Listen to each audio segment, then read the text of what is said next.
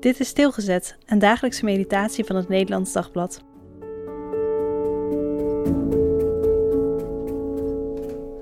Feest. 2 Samuel 3, vers 20. Abner kwam met twintig afgevaardigden in Hebron aan, waar David voor hen een feestmaal aanrichtte.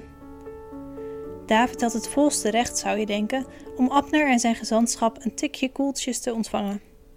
Zeven jaar hadden ze zich, tegen beter weten in, verzet tegen het leiderschap van David. Zeven jaar lang hadden ze liever de oppermacht van de Filistijnen verdragen dan zich te onderwerpen aan David. Je kunt ook zeggen, zeven jaren lang hadden ze zich laten ringeloren door de tiran Abner.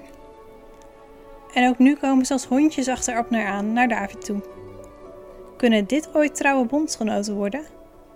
Moet David hen niet allereerst zijn macht laten voelen? Voor macht zijn ze kennelijk gevoelig.